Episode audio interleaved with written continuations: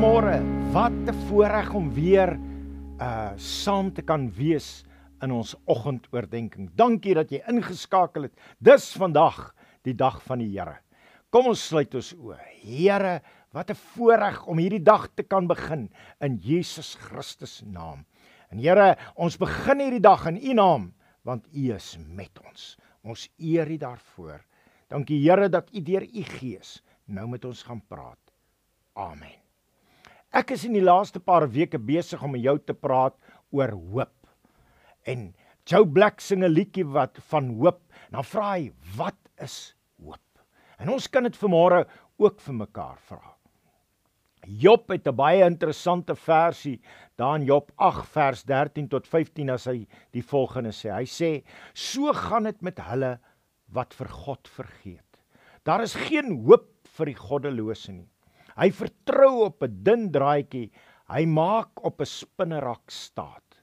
As hy leun teen sy huis, val dit om. Hy gryp daarna, maar dit bly nie staan nie. Wat 'n merkwaardige skrifgedeelte. En wat ons leer uit hierdie gedeelte is, hoe verder jy van God af beweeg, hoe minder raak jou hoop. Hoe minder raak jou hoop. En aan die ander kant is ook waar. Hoe nader jy aan die Here beweeg, hoe groter word jou moontlikhede van hoop.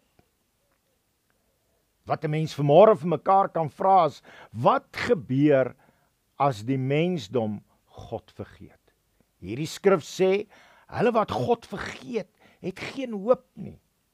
En wat ons dink hoop is, is dalk geen hoop nie. Hoop is baie meer 'n teologiese as 'n psigologiese term. Dit is dis iets wat baie meer gekoppel is aan God as aan ons emosies.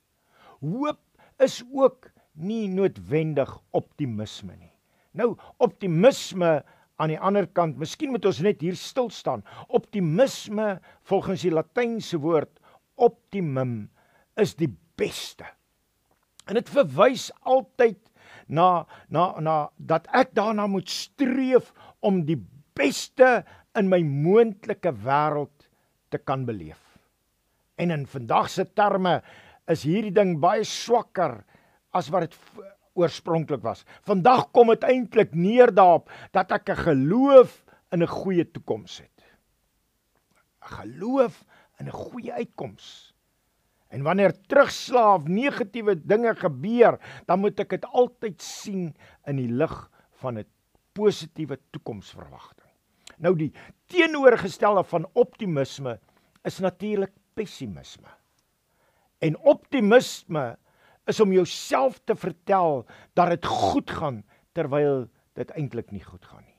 Optimisme is nie altyd realisties nie.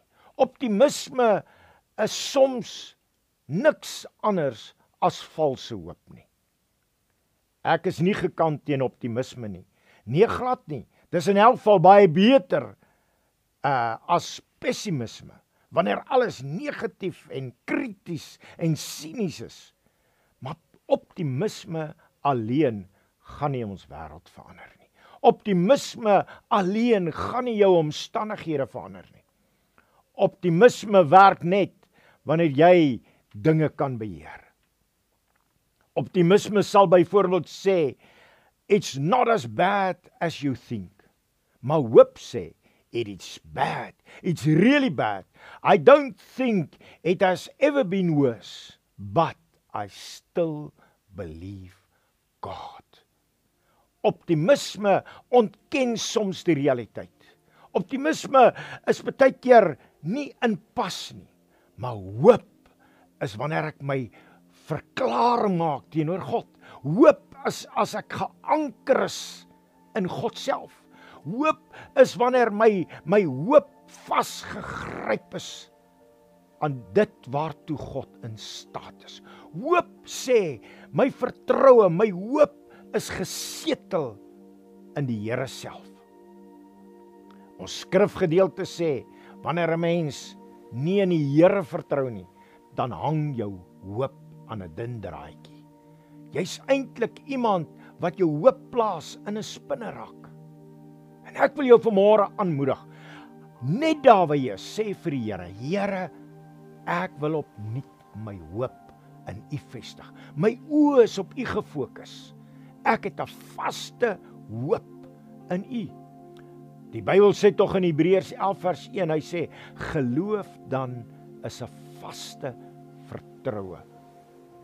Dit is 'n vaste vertroue in dit wat ek hoop.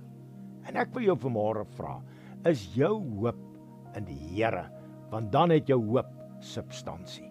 Kom ons bid saam. Here, ons wil vanmôre op nuut kom bely. Ons hoop is gefestig in U. Ons hoop is gefestig in U vermoë. Ons hoop is gefestig in dit waartoe U in staat is. Dankie dat U deur U Heilige Gees ons weer opwek met oë wat U raak sien in Jesus naam. Here, ek wil in besonder bid vir hulle wat na my kyk.